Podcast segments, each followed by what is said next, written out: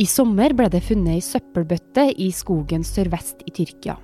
Den var fylt med betong og restene av et menneske.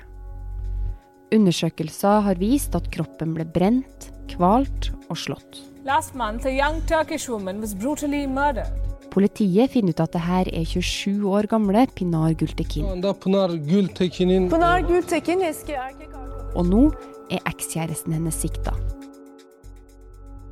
Drap på kvinner fordi de er kvinner, øker i Tyrkia. Hittil i år er 239 sånne drap registrert i landet. Likevel så vurderer myndighetene å trekke seg fra en avtale som skal beskytte kvinner mot vold og overgrep. Og Tyrkia er ikke det eneste landet.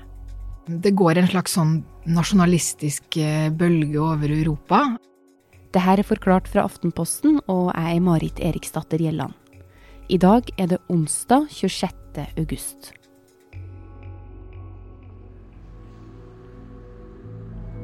Har du hørt om Istanbul-konvensjonen?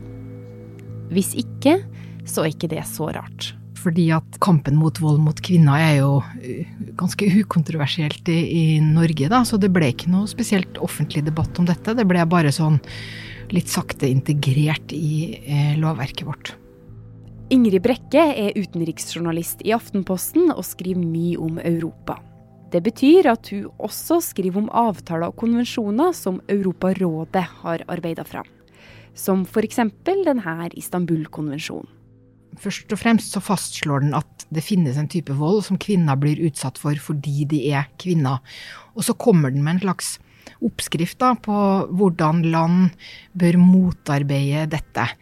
Um, og den, den, har da uh, veldig bredt innhold. Den handler om at man bør uh, undervise om det i skoler. Den sier noe om uh, at man, myndigheter bør samarbeide med type sånn krisesenter Forskjellige typer sånn krisesenterhjelpetiltak. For man skal både forebygge og, og straffe og motarbeide. Og så handler det f.eks. om hvordan politiet bør oppføre seg.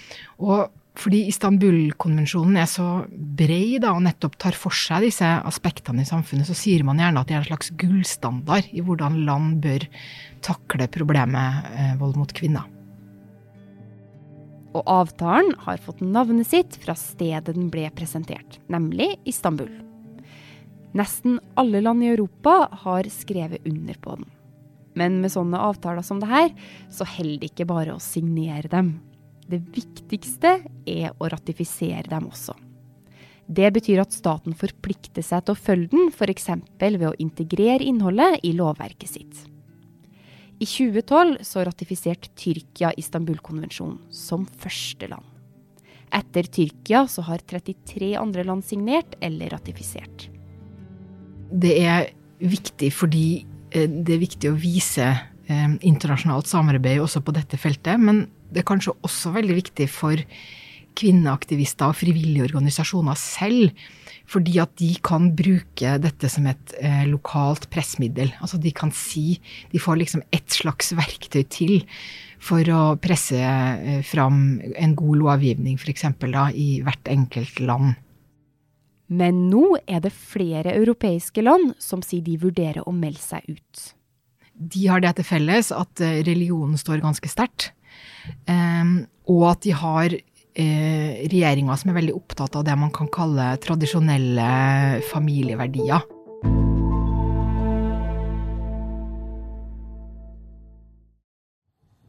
أعوذ بالله من الشيطان الرجيم Tyrkias president Recep Tayyip Erdogan sitter i mørk dress og leder en bønn under gjenåpninga av moskeen Haga Sofia. Steinbygget var i kirke for 1500 år siden, men har siden vært moské og museum.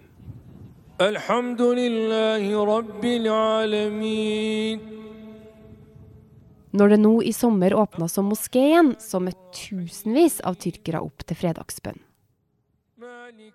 Men kritikere har sett på akkurat denne gjenåpninga som nok et tegn på et Tyrkia der religiøse og nasjonalistiske krefter får stadig større plass. Et annet tegn er presidentens utsagn om Istanbul-konvensjonen. For Tyrkia vurderer å trekke seg. president Erdogan og hans parti, som heter Rettferdighets- og utviklingspartiet, vi kaller det AKP, eh, de diskuterer dette for tiden. Helle Årnes er utenriksjournalist her i Aftenposten. Og nestlederen i AKP har sagt at han vil ut. Og Erdogan selv, presidenten, han har vært litt uklar. Men han har jo sagt tidligere ting som at f.eks. at kvinners og menns rettigheter ikke kan likestilles. At det er helt unaturlig. Og så nylig så sa han at en avtale som han, som han mener vil sprenge familiens fundament, som han sier, ikke kan være lovlig i Tyrkia. I tillegg til at flere politikere i Tyrkia har vært kritisk til Istanbul-konvensjonen, så er det òg en del ultrakonservative og religiøse sekter med mye innflytelse som er negative. De mener at konvensjonen er noen sånne venstreorienterte greier som i bunn og grunn liksom er i ferd med å trenge seg inn i samfunnet og skade det. Og denne bekymringa den finnes ikke bare i Tyrkia. Også i Polen, Slovakia, Bulgaria og Ungarn går det diskusjoner om utmelding. Og dette ser vi i flere europeiske land. Eh, det er jo mange av de landene vi snakker om nå, som har en velgerbase som er religiøse. I Tyrkia så er det jo konservative muslimer, og i Polen så er det konservative kristne. Og så i Ungarn, det er litt spesielt, for der er, der er også migrasjon et tema, da. Eller en grunn til at de er skeptiske til eh, konvensjonen. Fordi at eh, partiet til statsminister Viktor Orban, de er imot eh, kravene som stilles i konvensjonen om at, flyktninger Om å ta imot flyktninger som, eh, som er forfulgt for seksuell legning eller, eller kjønn, da. Men det er langt fra full enighet om det her. Og i sommer så har det vært store demonstrasjoner. Twitter og sosiale medier renner jo over av videoer som hvor man f.eks. ser eh, helt klare eksempler på politivold og eh, sånn som kanskje kan være mobiliserende. Det groteske drapet på Pinar Gultekin, som ble funnet drept i en søppelbøtte i skogen, førte bl.a. til en kampanje der det ble lagt ut bilder i svart-hvitt av drepte tyrkiske kvinner.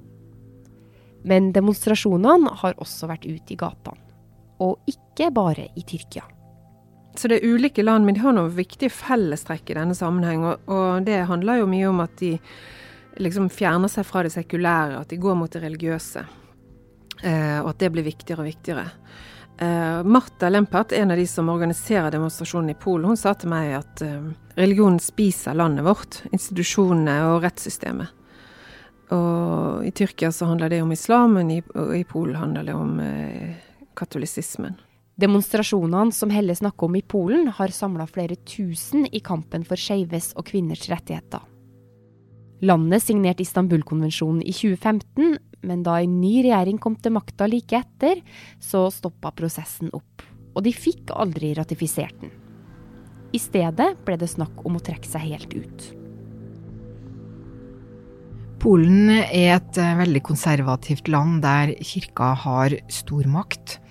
Eh, sånn har det vært veldig lenge, og polske kvinner har eh, måttet kjempe ganske hardt for likestilling i veldig mange år, og har ikke kommet så fryktelig langt, kan man kanskje si.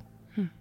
Men altså, hvorfor i all verden snakker politikere da om å, å melde seg ut av, av denne avtalen?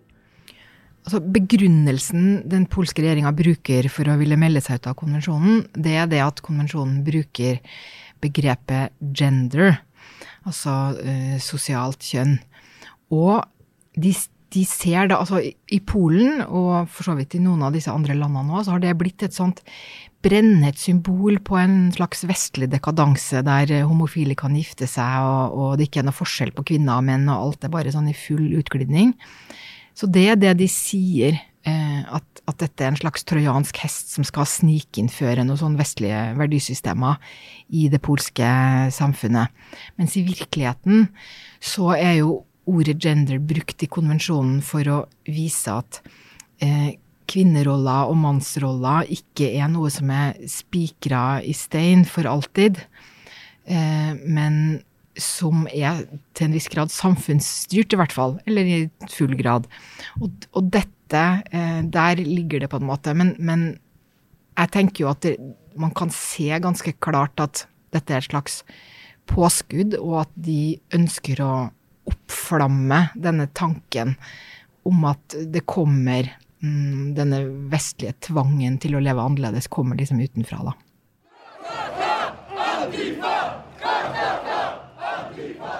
En mann med bøttehatt og munnbind med hodeskallemotiv tenner på et regnbueflagg, mens menn rundt han roper og heier.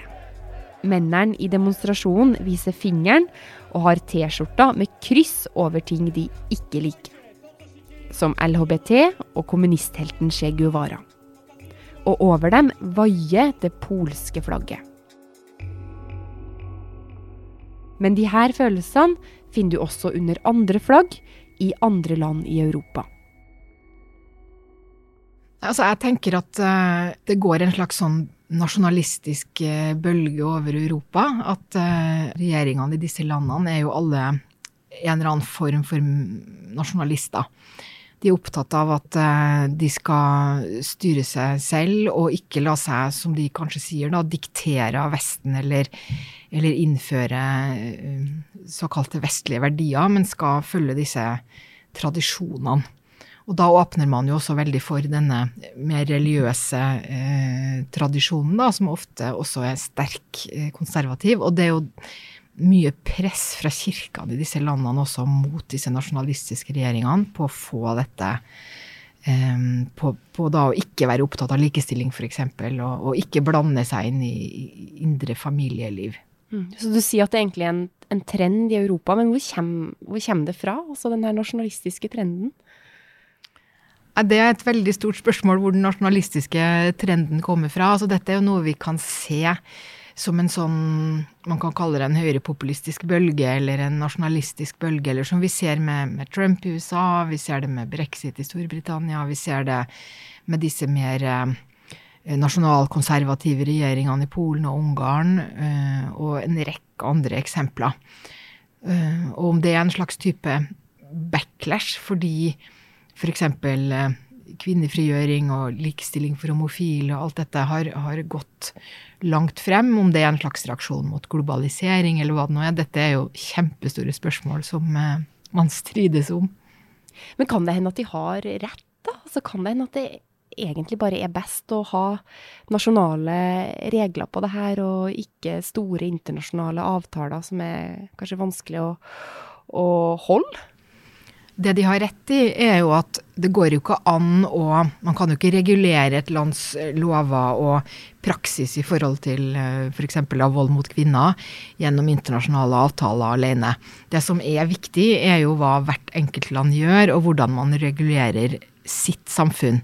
Det som er det triste i dette, er jo at det er jo nettopp ikke sånn at de som da avviser Istanbul-konvensjonen, har noe særlig høy troverdighet i at dette skal de sannelig ordne opp bedre sjøl.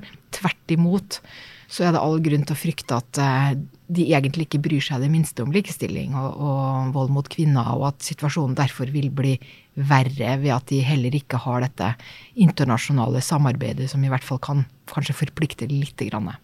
Vi er jo to damer som sitter her og snakker om det her i Norge. Altså, for oss så er det kanskje ganske uforståelig at man skulle ønske å ikke ha likestilling på den måten vi har her, da. Er det noe sånn Hvordan kan vi sette oss litt i hodene på de som ikke ønsker det på den måten? Man kan f.eks.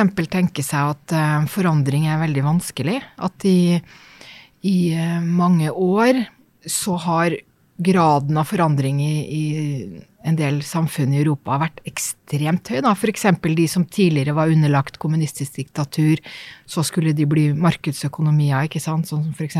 Polen. Og så har du alt dette som skjer med en teknologisk revolusjon, man skal tenke annerledes om kjønn og likestilling, alt dette blir bare veldig mye, veldig vanskelig. Og så har man denne forestillinga om det trygge og gode i det tradisjonelle livet, da, hvor mor er hjemme og passer unger og lager mat, og far har en solid jobb og sørger for mat på bordet og sånn, og så tenker man at det er vel fint. Men det er òg mange som ikke tenker sånn, og både i Tyrkia og Polen er folket splitta. I Polen f.eks. er befolkninga delt ganske på midten i synet på likestilling og kvinners rettigheter. Dette handler mer om en sånn politisk makt som utøves, enn at det handler om at det er noe folkeflertall for at man ikke skal bekjempe vold mot kvinner. Altså dette er et slags maktspill hvor man spiller på noen sånne populistiske eh, strenger da, som handler om antivestlig, mer nasjonalistisk, kirka sin makt, eh, den type ting. Ingrid, når vi snakker om det her, så er det jo lett å bli litt bekymra for situasjonen i en del europeiske land. Altså, hvor er vi på vei? Det er jo all grunn til å være bekymra for eh, situasjonen for kvinner i enkelte land i Europa nå. Eh, men jeg syns det er vanskelig å si om dette er noe sånn nå har man, man hadde nådd en slags topp, og nå går det bare utforbakke. At dette er et sånn ordentlig vendepunkt. Eh, eller om det er et forbigående backlash. Det kan også hende at det er en reaksjon på at situasjonen faktisk har blitt bedre. Kvinner har fått større rettigheter og kjemper mer for likestilling nå. Og så kommer det en motreaksjon, og så kommer vi ut igjen på den andre sida eh, med nye fremskritt.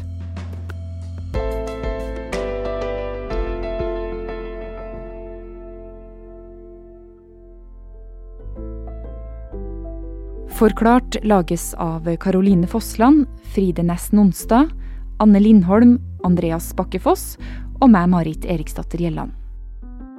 I denne episoden har du hørt lyd fra nyhetsbyrået AP, CNN Turk, Hurriet og Vion.